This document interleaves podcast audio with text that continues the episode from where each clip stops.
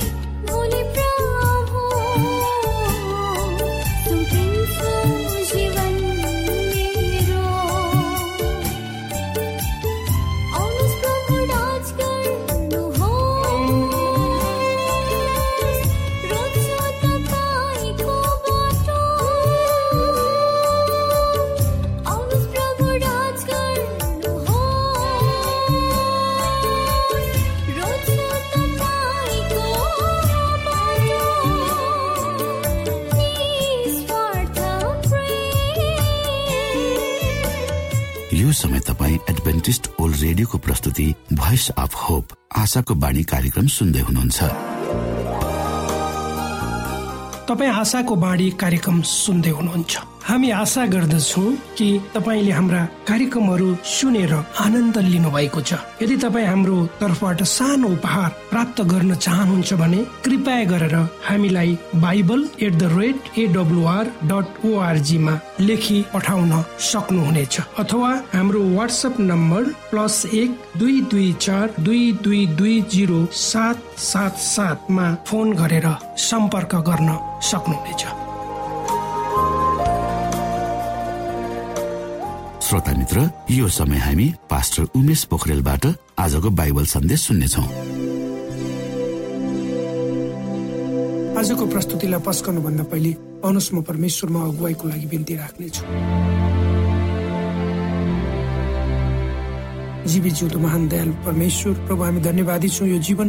यो जीवनमा दिनुभएका प्रत्येक आशिषलाई प्रभु विशेष गरेर यो रेडियो कार्यक्रमलाई म तपाईँको चरणमा राख्दछु। यसलाई तपाईँको राज्य र महिमाको प्रचारको खातिर तपाईँले प्रयोग गर्नुहोस् ताकि धेरै मानिसहरूले तपाईँको ज्योतिलाई देख्न सकुन् र तपाईँको राज्यमा प्रवेश गर्न सक्नु। सबै बिन्ती प्रभु यीशुको नाम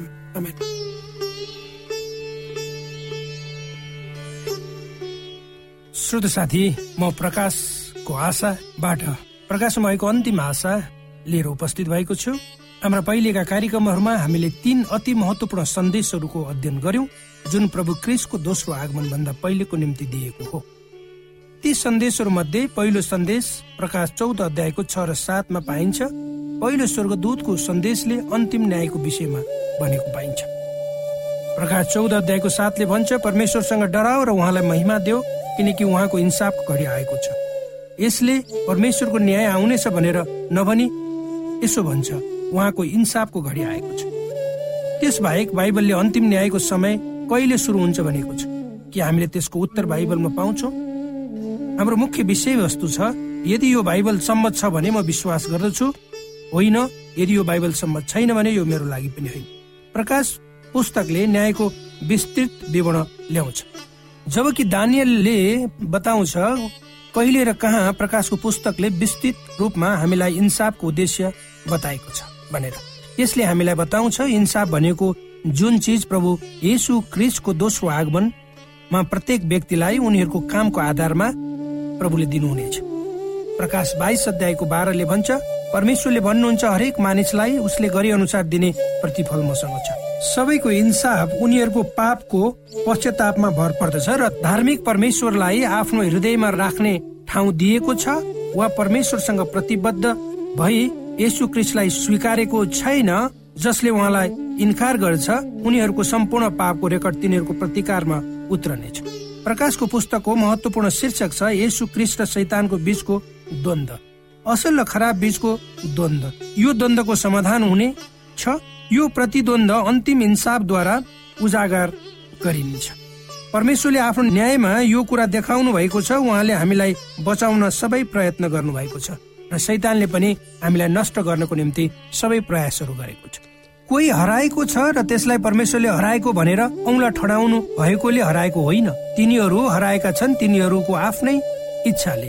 तिनीहरू हराएका छन् किनकि तिनीहरूले उहाँको कृपालाई त्याग गरेका छन्। प्रकाशको पुस्तकले परमेश्वरको न्यायको कामलाई विस्तृत रूपमा वर्णन गर्दछ। आजको यो साँझमा हामी यो प्रश्नको उत्तर दिनेछौ। इन्साफको घडी कहिले आउनेछ?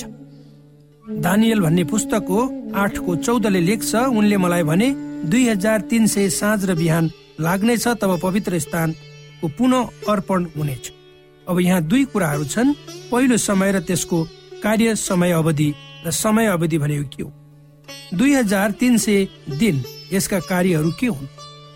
कहिले पवित्र स्थानको शुद्धिकरण हुनेछ र यो पवित्र स्थानको शुद्धिकरण गरिनेछ भन्ने वाक्यहरू हुन सक्छ हामीलाई बुझ्न गाह्रो हुन्छ होला। तर दानीहरूलाई पवित्र स्थानको बारेमा बुझ्न गाह्रो भएन। पवित्र स्थानको शुद्धिकरण भन्नाले के बुझिन्छ? पुरानो करारको पवित्र स्थानको बारेमा हामी हेर्नेछौ र पवित्र स्थानको शुद्धिकरण भन्नाले के हो सो बुझ्नेछौ। परमेश्वरले मोसालाई के भन्नुभएको थियो?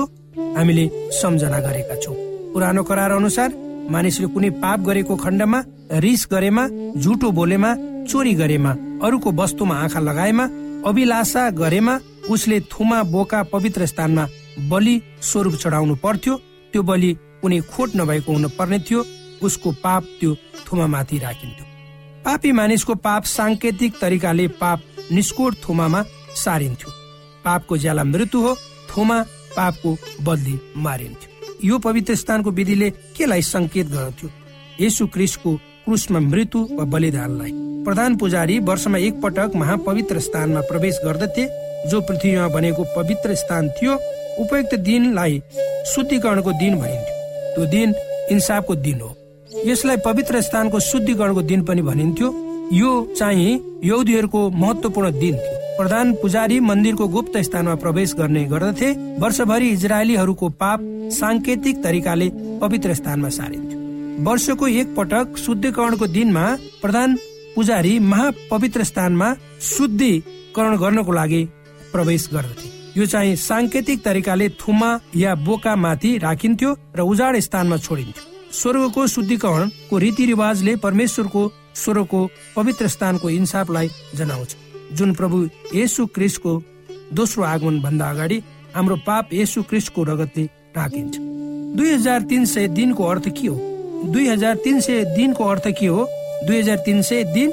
कसैले यस्तो भनेको मैले सुने बुझिनँ भने। डानियलले पनि यो बुझेका थिएनन्।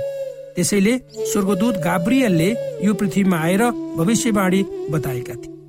स्वर्गदूत गाब्रियलको बयान यस प्रकार छ।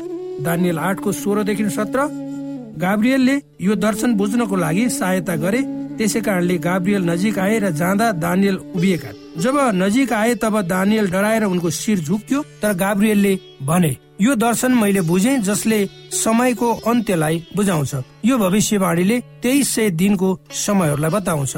स्वर्गदूत गाब्रियलको सन्देश अनुसार तेइस सय दिनको अन्तिममा इन्साफको घडी सुरु हुनेछ भन्छन्।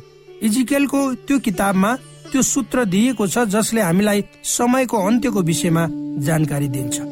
इजिकेल चार अध्यायको छले बताउँछ प्रत्येक वर्ष तिमीमा निर्भर गराइएको छ बाइबलको भविष्यवाणी अनुसार एक दिन एक वर्ष बराबर हो त्यसै कारणले भविष्यवाणीमा साङ्केतिक तरिकाले भनिएको छ। प्रत्येक वर्षको लागि एक दिन एक वर्षमा तुलना गरिएको छ। दानियल आठको भविष्यवाणी तेइस सय दिन बराबर तेइस सय दिन वास्तविक वर्ष हो। तेइस सय दिनको भविष्यवाणी बुझ्नको निम्ति हामीले बाइबल अध्ययन गर्नुपर्छ। बाइबलले हामीलाई तेइस सय दिनको सुरुवात बताएको भए हामीले सरल तरिकाले यसको अन्तिम समय हिसाबमा आउने थियो र बुझ्ने थियौँ। त्यसपछि हामीले पत्ता लगाउन सक्थ्यौँ इन्साफको घडी कहिले सुरु हुनेछ। त्यो स्वर्गीय महापवित्र स्थानभित्र आजकै रात यसो हुनुहुन्छ। पृथ्वीको इतिहासको उक्त विशेष समयमा जिरहेका थियौँ त। यो पत्ता लगाउनको निम्ति निरन्तर रूपमा दानियलको पुस्तक अध्ययन गर्ने पर्छ। अर्कै नौ अध्यायमा जाँदा हामीले अचम्म लाग्दो भविष्यवाणी यसु क्रिस्टको पहिलो आगमनको विषयमा हेर्नेछौँ। दानियल नौ अध्यायमा फेरि स्वर्गदूत गाब्रियल आएर दानियललाई तीनवटा महत्वपूर्ण समयहरू बताउँछ। यसु क्रिस्टको बत्तीसमाको मिति यसु क्रिस्टको बलिदानको मिति सुसमाचार प्रचार गरिने मिति बताएका थिए। जुन सुसमाचार अन्य जातिमा जानुपर्ने थियो। यी भविष्यवाणीहरूले हामीलाई तेइस दिनको सुरुवातको मिति पत्ता लगाउन सहायता गर्दछन्। जुन दानियल आठ अध्यायमा लेखिएको छ। दानियल नौ अध्यायको चौबिसले बताउँछ सत्तरी साताहरू तिम्रो जाति र तिम्रो पवित्र सहरको निम्ति अपराध खतम पार्न पाप समाप्त गर्न दियो। दुष्टताको लागि प्रयाश्चित गर्न दियो। दानियलले भनेको सहर कुन थियो? यरुसलेम पहिलो सत्तरी हप्ताहरू तेइस सय दिनको भविष्यवाणीले दानियल र उनका यहुदी जातिहरूलाई देखाउँछ डिटरमाइनको अर्को शब्द प्रतिबद्धता हिब्रू शब्दमा यसलाई कट अफ अथवा समाप्त गरिएको भनिन्छ। त्यसै कारणले सत्तरी हप्ताहरूको भविष्यवाणी दानियल नौ अध्यायमा आएर कट अफ अथवा समाप्त भएको पाइन्छ। त्यसै कारण पहिलो सत्तरी हप्ता तेइस दिन दानियलका मानिसहरूमा लागू हुन्छ। त्यसै कारणले सत्तरी अगमबाडीका हप्ताहरूमा कति दिन हुन्छन्? सात गुणा सत्तरी चार सय नब्बे दिनहरू यिनीहरू साङ्केतिक दिनहरू हुन् र भविष्यवाणीमा चार सय नब्बे साँच्चै वास्तविक वर्षहरू। अर्को शब्दमा अहिले चार सय नब्बे वर्षहरू र तेइस सय वर्षहरू यो सबै यौदीहरूको लागि थियो। यसु क्रिस्ट चाहिँ आफै मानिसको बीचमा आउनुभयो यौदीहरूलाई बोलावट भयो उहाँलाई स्वीकार गर्नको लागि अनि उनीहरूको मसिह हुनुहुन्थ्यो। यहुदीद्वारा सुसमाचार सबै संसारमा फैलिनु पर्ने थियो तर यहुदीहरूले क्रिसलाई इन्कार गरे। त्यसै कारण पहिले चार सय नब्बे वर्षहरू भविष्यवाणीमा यसु क्रिस र यहुदीहरूको बारेमा थियो। यो भविष्यवाणी कहिले सुरु भयो? यदि हामीलाई अहिले सुरु भएको थाहा छैन भने यसको अन्त्य कहिले हुन्छ सो पनि थाहा हुँदैन। आउनुहोस् हामी यसलाई पत्ता लगाऊ। दानियललाई स्वर्गदूतले यसको सुरुवात बताएको छ। दानियल नौको पच्चिसले भन्छ यो जान र बुझ यरुसलेमको पुनस्थापना र पुनर्निर्माण गर्ने यो आदेश जारी गरेको समयदेखि अभिषिक्त जन अर्थात् एक शासक नाउन्जेलसम्म सात सातहरू र बैसठी सातहरू हुनेछन्। स्वर्गदूत गाब्रियलले दानियललाई भने यो भविष्यवाणीको सम्पूर्ण सुरुवात यरुसलेमको पुनस्थापना र पुनर्निर्माण गर्ने आदेश जारी गरेको समयदेखि भएको यी कुराहरू दानियलको लागि चाख लाग्दा थिए र हामी निरन्तर रूपमा अगाडि बढ्नेछौँ। दानियल नौको पच्चिस। त्यसै कारण यो जान र बुझ यो चौथो आदेश जारी गरिएको थियो यरुसलेमको पुनर्निर्माणको लागि। यसु ख्रिसको समयसम्म त्यहाँ सात हप्ताहरू र बैसठी साताहरू हुनेछन्। मसिहको राजा को हुन् यसु ख्रिस्ट। अब दानियल उत्साहित भएका छन्। सात र बैसठी साताहरू उन सत्तरी साताहरू हुन्। यो आदेश कहिले जारी गरिएको थियो? एजरा सातको अनुसार राजा अलेक्जेन्डरले चार सय सन्ताउन्न बिसी इसा पूर्वमा आदेश जारी गरे। त्यसै कारणले तेइस सय दिनको भविष्यवाणी दुई भागमा विभाजित गरिएको छ। चार सय नब्बे वर्ष यो यहुदी जातिलाई दिएको थियो। अठार सय दस वर्षहरू अन्य जातिहरूको लागि हुन् जसलाई अङ्ग्रेजीमा जेन्टाइल भनिन्छ। यसको सुरुवात हेरुसलेमको मन्दिरको पूर्ण निर्माणको आदेश सँगसँगै भयो। त्यसै कारणले यो आदेश जारी चार सय सन्ताउन्न इसा पूर्वमा प्रमाणित गरिएको छ। यसको सुरुवात चार सय नब्बे वर्ष समय अवधि हो किनकि यसको प्रमुख मिति यो हो जब यरुसलेम मन्दिरको पूर्ण स्थापना गर्ने आदेश जारी गरिएको थियो। तर यो के निश्चित र ठिक मिति थियो? जुन मैले देखाउन खोजिएको छु हाम्रो दुविधाको छाया भन्दा पनि पर छ। जुन मिति ठिक छ? के तपाईँ तयार हुनुहुन्छ? हुनुहुन्छ भने हामी अगाडि जाउँ। स्वर्गदूत गाब्रियलले दानियललाई भनेका छन् आदेशको सुरुवात भए लगतै कहाँ र कहिले चाहिँ हो चार सय सन्ताउन्न इसा पूर्वसम्म।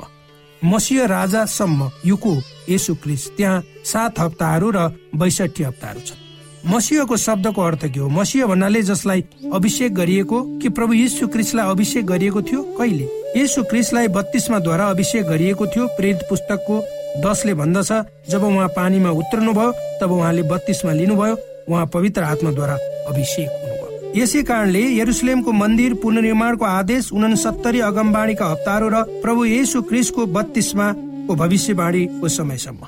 जो आदेश अगाडि बढ्दै गएर खस्यो जब हामी उनसत्तरी भविष्यवाणीका हप्ताहरू हेर्छौँ अथवा चार सय त्रियासी चाहिँ वास्तविक वर्षहरू हाम्रो इतिहासमा छन् चार सय सन्ताउन्न भन्दा पछाडि खस्किँदो अवस्थादेखि यसु क्रिसको बत्तीसमासम्म देखाउँछ। चार सय त्रियासी वर्षहरूले दुरुस्तै सत्ताइस एडी तर्फ देखाउँछ। के एडी सत्ताइसमा प्रभु येसुको बत्तीसमा भएको थियो? लुकाको पुस्तकले हामीलाई वास्तविक तथ्यहरू थाहा पाउन मद्दत पुर्याउँछ। लुका तिनको एक्काइसले प्रभु येसु क्रिस्टको बत्तीसमाको शब्दहरूलाई अङ्कित गर्छ जब सबैजना बत्तीसमा लिइरहेका थिए येसु क्रिस्टले पनि बत्तीसमा लिनुभयो। यो कुन वर्ष थियो? लुका तिनको एकले बताउँछ कैसर तिबेरियाका शासनकालको पन्ध्रौं वर्षमा पन्तियस पिलातसको शासनकालमा। पन्ध्र वर्ष पन्तियस पिलातसको शासनकाल एडी सत्ताइसमा थियो। यसु क्रिसको वास्तविक बत्तीसमाको मिति दानियल अगमवक्ताले बताए अनुसार छ। के त्यहाँ कुनै शङ्खा छ? यसु क्रिस मसिह हुनुहुन्छ? यसु क्रिसको बत्तीसमाको मिति यसु क्रिस जन्मन भन्दा अगाडि दानियल अगमवक्ताले बताएका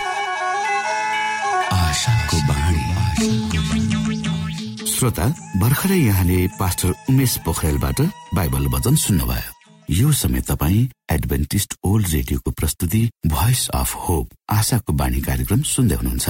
कार्यक्रम सुनेर बस्नुहुने सबै श्रोतालाई हामी हाम्रो कार्यक्रममा स्वागत गर्न चाहन्छौ। श्रोता मित्र यदि तपाईँ जीवनदेखि हरेस खानु भएको छ तपाईँका जीवनमा धेरै अनुत्तरित प्रश्नहरू छन् भने आउनुहोस् हामी तपाईँलाई परमेश्वरको ज्योतिमा डोहोर्याउन चाहन्छौ। र तपाईँ आफ्नो जीवनका चिन्ता फिक्रीबाट निश्चिन्त हुनुहोस् र बाँच्नुको आनन्द परमेश्वरको सामिप्यमा कति मिठो हुन्छ त्यो चाख्नुहोस् भनी हामी चाहन्छौँ। श्रोता यदि तपाईँ आशाको बाणी कार्यक्रमलाई अनलाइन सुन्न चाहनुहुन्छ वा डाउनलोड गर्न चाहनुहुन्छ भने डट ओआरजीमा जानुहोस्। त्यहाँ तपाईँले प्रत्येक दिनको कार्यक्रम सुन्न र डाउनलोड गर्न सक्नुहुनेछ। हाम्रो वेब पेज यस प्रकार छ ओआरजी श्रोता यदि तपाईँ हामीसित सिधै फोनमा सम्पर्क गर्न चाहनुहुन्छ भने हाम्रा नम्बरहरू यस प्रकार छन्। अन्ठानब्बे एकसाठी पचपन्न शून्य एक सय बिस।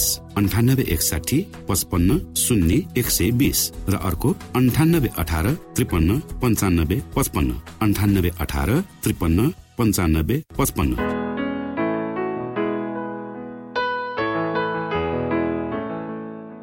एडभेन्टेज ओल्ड रेडियो हो। तपाईँ आशाको बाणी कार्यक्रम सुन्दै हुनुहुन्छ। यस सम्बन्धी थप जानकारीको लागि कृपया गरेर हामीलाई सम्पर्क राख्न सक्नु हुनेछ हाम्रो इमेलको ठेगाना bible at the rate AWR dot ORG अर्थात् B I B L E at AWR dot ORG हो। तपाईँ हामीलाई हाम्रो वाट्सएप नम्बर प्लस एक दुई दुई चार दुई दुई दुई जिरो सात सात सातमा पनि कल गरेर सम्पर्क राख्न सक्नुहुनेछ। अर्थात् प्लस एक दुई दुई चार दुई दुई दुई जिरो सात सात सात।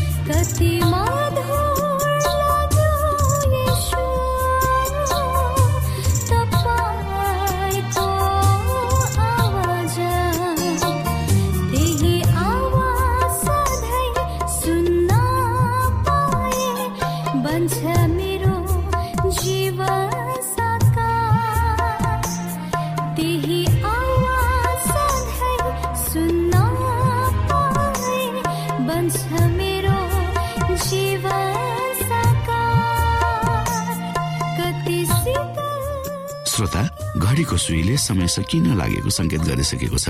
श्रोतासँग अरू समय बिताउने चाहना हुँदा हुँदै पनि हामीले कार्यक्रमबाट विदा माग्ने समय आइसकेको छ। हाम्रो कार्यक्रमको विषयमा जानकारी लिनको लागि हाम्रो कार्यक्रममा सम्पर्क गर्नका लागि हाम्रो ठेगानाको बारेमा यहाँलाई जानकारी गरौं। आशाको बाणी पोस्ट बक्स नम्बर दुई शून्य शून्य शून्य दुई काठमाडौँ नेपाल। यसै गरी श्रोता यदि तपाईँ हामीसित सिधै फोनमा सम्पर्क गर्न चाहनुहुन्छ भने हाम्रा नम्बरहरू यस प्रकार छन्। अन्ठानब्बे एकसाठी पचपन्न शून्य एक सय बिस। अन्ठानब्बे एकसाठी पचपन्न शून्य एक सय बिस। र अर्को अन्ठानब्बे अठार त्रिपन्न पन्चानब्बे पचपन्न। अन्ठानब्बे अठार त्रिपन्न पन्चानब्बे पचपन्न। श्रोता तपाईँ हामीलाई इमेल पनि गर्न सक्नुहुन्छ।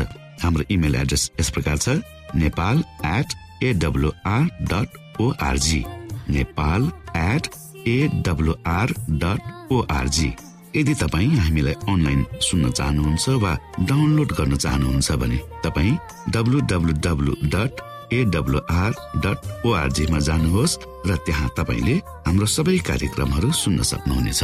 हवस् त श्रोता हाम्रो कार्यक्रम सुनिदिनु भएकोमा एकचोटि फेरि यहाँलाई धन्यवाद दिँदै भोलि फेरि यही स्टेशन र यही समयमा भेट्ने बाजा गर्दै प्राविधिक साथी राजेश र पास्टर उमेश पोखरेल र कार्यक्रम प्रस्तुता म रवि यहाँसँग विदा माग्दछौ। परमेश्वरले तपाईँलाई धेरै धेरै आशिष दिनु भएको होस्। नमस्कार।